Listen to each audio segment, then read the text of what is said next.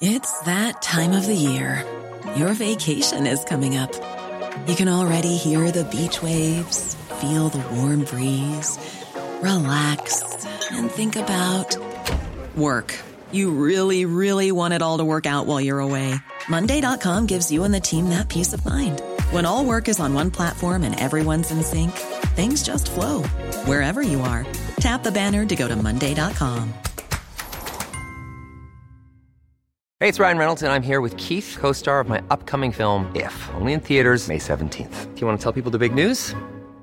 All right, I'll do it. Sign up now and you'll get unlimited for $15 a month in six months of Paramount Plus Essential Plan on us. Mintmobile.com slash switch. Upfront payment of $45 equivalent to $15 per month. Unlimited over 40 gigabytes per month. Face lower speeds. Videos at 480p. Active Mint customers by 531.24 get six months of Paramount Plus Essential Plan. Auto renews after six months. Offer ends May 31st, 2024. Separate Paramount Plus registration required. Terms and conditions apply if rated PG. Hiring for your small business? If you're not looking for professionals on LinkedIn, you're looking in the wrong place. That's like looking for your car keys in a fish tank.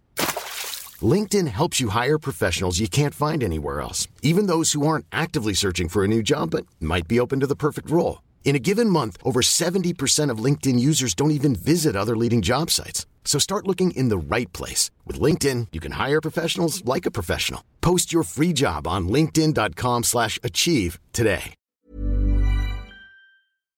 Du lytter til en podcast fra TV2. Den korte udgave. For mit vedkommende. Jeg stopper fuldstændigt og endegyldigt i dansk politik i dag. Sådan må det være. Sådan skal det være. En tårvedet Jakob Ellemann Jensen fortæller i dag, at han er fortid. Fortid som venstreformand, fortid som økonomiminister og fortid som medlem af Folketinget. Dagens nyhed kommer lidt over to måneder efter, at Ellemann meldte sig kampklar efter en lang sygemelding. Hvordan kunne det ende så galt for Jakob Ellemann Jensen? Jeg har trukket TV2's politiske redaktør Hans Redder ud af newsstudiet og ind i min podcasthule for at lave en særudgave af dato på den her opsigtsvækkende dag i dansk politik. Mit navn er Joachim Claus Høj Bindslev.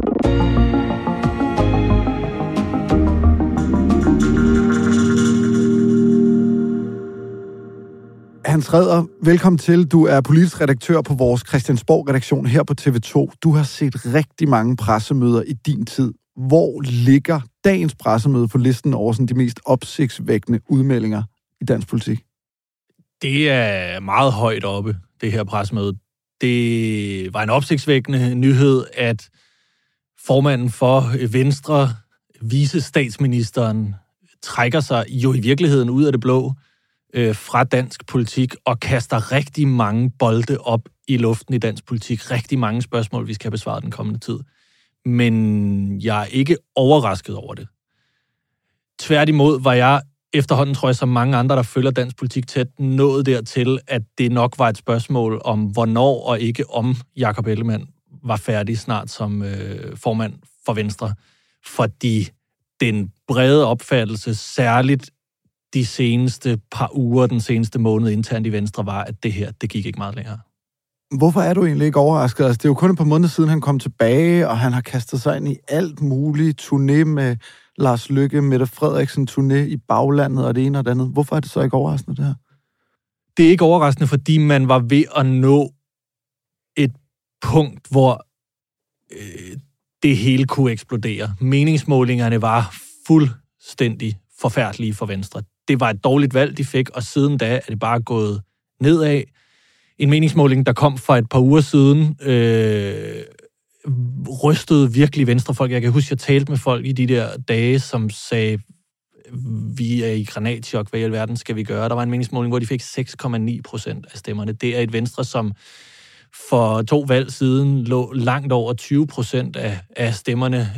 Det er øh, landets store parti sammen med Socialdemokratiet. Og med de meningsmålinger, med de tæsk, Jacob Ellemann selv har fået, med den skrøbelighed, der jo helt åbenlyst også har været omkring ham. Han var lige kommet tilbage, som du sagde, fra en, fra en sygemelding. Så synes jeg, alt efterhånden tydede på, at øh, det gik ikke meget længere.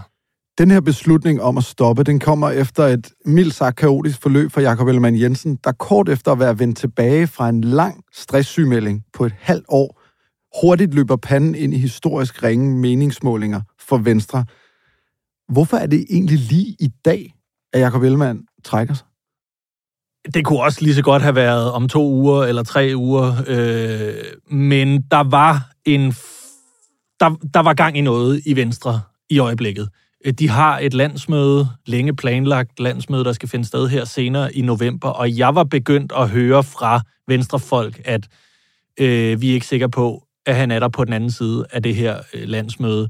Hvad der præcis skulle ske, det kunne jeg ikke gennemskue. Jeg har heller ikke en opfattelse af, at der blandt en masse venstrefolk har været planlagt et eller andet stort kupforsøg mod Jakob Ellemann. Jeg har heller ikke indtrykket af, at Jakob Ellemann her er blevet væltet, forstået på den måde, at et samlet forretningsudvalg eksempelvis er gået til ham og sagt, nu går den ikke længere. Det er Jakob Ellemanns egen beslutning, men det kunne ikke have blevet ved med at gå sådan her meget længere, før der var nogen, der begyndte at, at rokke ved båden, og at Jakob Ellemanns sådan formandskab også ville være på spil, øh, selvom han ikke øh, øh, havde gjort noget. Så, og det har Jakob Ellemann jo også selv kunne mærke. Han har jo godt kunne mærke, hvordan øh, folk har taget afstand til ham, hvordan folk har ringet på kryds og tværs i øh, Venstre, hvordan der også, synes jeg, har været påfaldende få venstreprofiler, der har været villige til at stille sig op foran kamera eller i pressen i øh, den seneste tid og tage nogle kugler øh, for ham. Så må ikke han godt selv har kunne lukke det her, det går ikke meget længere. Og jeg tror ikke, jeg kan, øh, jeg kan få rettet det her op. Det er den 15. december sidste år, altså ikke engang et år siden, at SVM-regeringen bliver dannet, og Jakob Ellemann Jensen, han bliver forsvarsminister og visestatsminister. Den titel får han også. Hvad er det for et lille år, han har haft siden den dag? Det var et fuldstændig vildt år, men i virkeligheden jo en række fuldstændigt vilde år, siden han tog over i 2019 som Venstres formand. Altså lad mig bare lige prøve at løbe nogle af de få højdepunkter, der har været, eller lavpunkter, om man så vil, øh, været, øh, siden Jacob Ellemann blev formand. Han bliver formand efter, at øh, Christian Jensen og Lars Løkke jo nærmest har brændt partiet ned, og politisk forsøgt at tage livet af hinanden. Så der var Venstre allerede i krise. Så bliver Inger Støjberg næstformand. De begynder hurtigt at skændes, så det brager. Inger Støjberg, der jo i øvrigt så øh, ender i rigsretten, øh, øh, bliver dømt i rigsretten, melder sig ud af partiet, danner sit eget parti. Lars Løkke, der melder sig ud, danner sit eget parti en øh, valgkamp, hvor øh, Jakob Ellemann jo står og lover, garanterer, at han aldrig nogensinde går i regering med Mette Frederiksen, laver så det, jeg har kaldt øh, et af de største politiske løftebrud i Danmarks historie, og alligevel går i regering med Mette Frederiksen, så bliver han straks efter sygemeldt. Det har været så intenst et formandskab for Jakob Ellemann, med så meget både selvpåførte problemer, men også problemer, der er skabt af alle mulige andre jeg kan nærmest ikke komme i tanke om nogen politisk karriere, nogen formandskarriere, der har været mere udfordrende end den øh, formandskarriere, Jakob Ellemann har haft. Det er jo kun et par måneder siden, altså cirka to og en halv måned siden, at Jakob Ellemann Jensen kommer tilbage fra sin sygemelding, stempler ind som venstreformand. Igen, jeg er kampklar, jeg er virkelig frisk på at, at, løfte det her projekt til nye højder. Hvad er der sket siden da? Altså, det er så kort tid siden. Ja, jeg lavede jo selv det allerførste interview med Jacob Ellemann, efter han kom tilbage fra sin sygemelding. Han havde haft det virkelig dårligt, fortalt han. Øh, han havde været i tvivl om i løbet af den periode, om han overhovedet ville kunne øh, få et normalt job nogensinde igen. Men mit indtryk af ham, da han vendte tilbage der 1. august, var egentlig, at han havde noget gnist og noget gejst i øjnene. Han ville gerne, han troede, han kunne. Og min egen analyse af det her er, at han jo så meget hurtigt er rendt ind i de samme udfordringer og problemer, som han oplevede, inden han blev sygemeldt, og som formentlig også har været en del af årsagen til, at han blev sygemeldt. Øh, kritik alle steder fra, også internt fra. Meningsmålinger, der er elendige. En, tror jeg, følelse af, at Venstre bliver totalt klemt, og han også er blevet klemt i de, blandt de der meget stærke personer, der sidder oppe i toppen af den regering. Mette Frederiksen, Lars Løkke Rasmussen, et bagland, der er vrede, vælgere, der øh, brokker sig og protesterer, smutter, øh, ud af, af alle huller i det, i det parti. Og så er der jo kommet den der store sag og store, den store diskussion om en CO2-afgift på landbruget, som tror jeg var noget af det, der sådan for alvor har knækket Jacob Ellemanns tro på, at han kunne løfte den her opgave.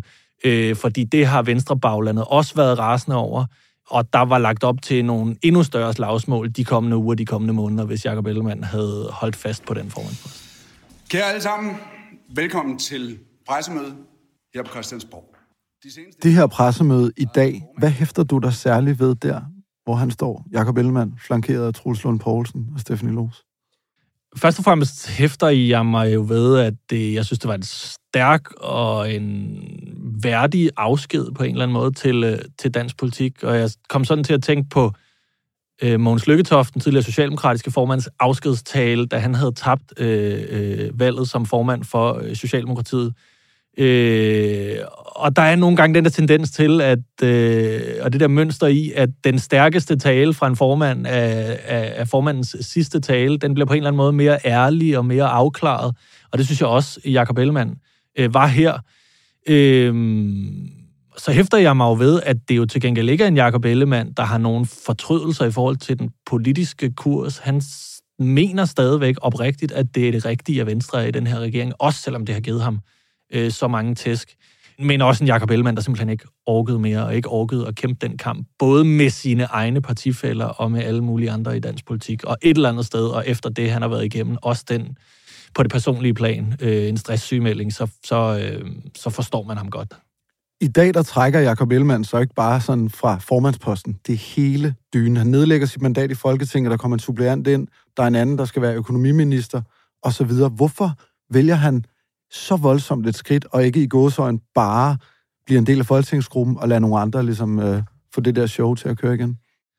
Det er svært for tidligere formænd at sætte sig ned på bagerste række eller længere tilbage i en folketingsgruppe. Det skaber tit nogle gnidninger, noget uro, og der tror jeg i virkeligheden, han har gjort Venstre en tjeneste ved at sige, øh, når jeg trækker mig som formand, så er det altså helt væk, og så er det en ny ledelse, der skal udstikke kursen, der skal træffe beslutningerne øh, uden mig. Øh, og det synes jeg i virkeligheden, den politiske historie viser, at det er oftest de mest vellykkede formandsskifter, det er der, hvor den afgående formand øh, trækker sig helt. Så, øh, så selvom der er sådan på det personlige plan nok er mange i Venstres top og i Venstres ledelse, som kommer til at savne Jacob Ellemann, så tror jeg at i virkeligheden, de er glade for, at han gør det helt nu, og ikke bare halvt og siger, jeg vil jo ikke gerne beholde min ministerpost, eller jeg vil gerne have nogle ordførerskaber nede i, nede i folketingsgruppen. Hvor efterlader det her Venstre?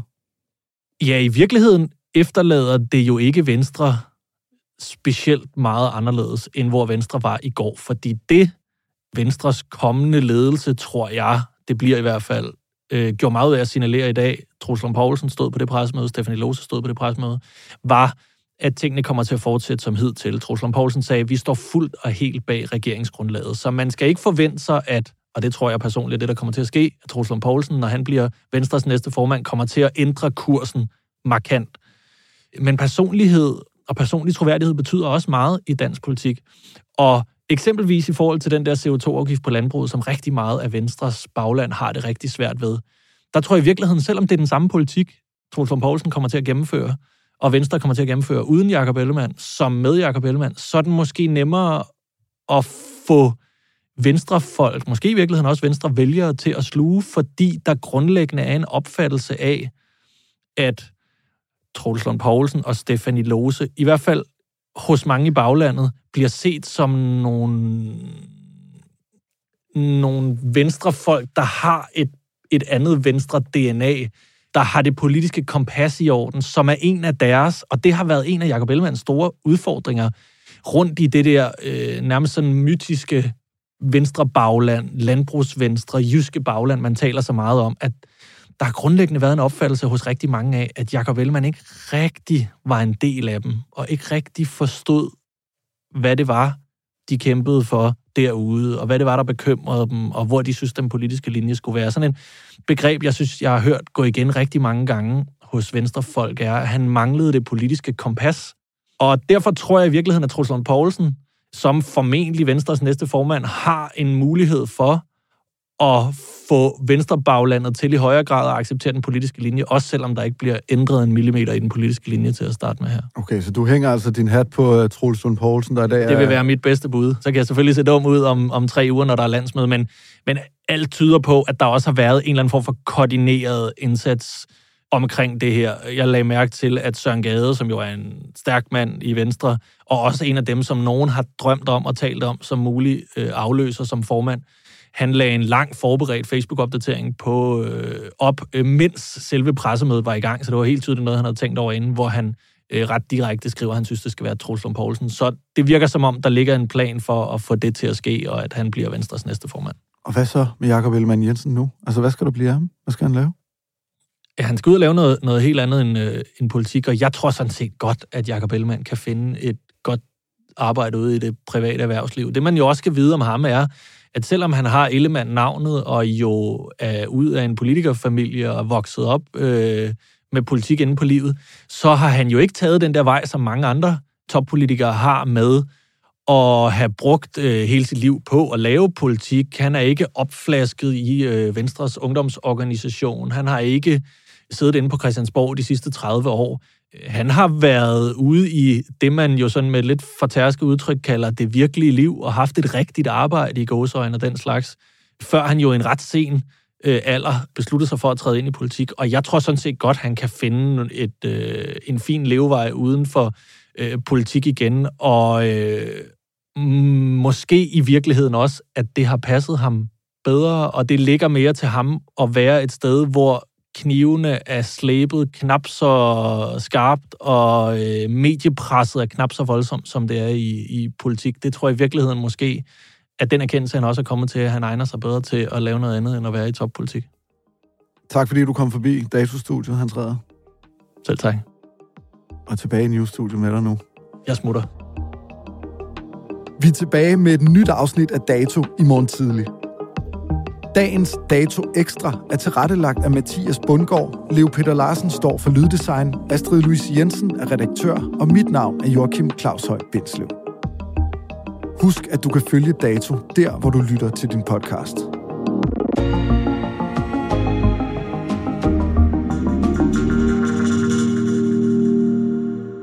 Du har lyttet til en podcast fra TV2.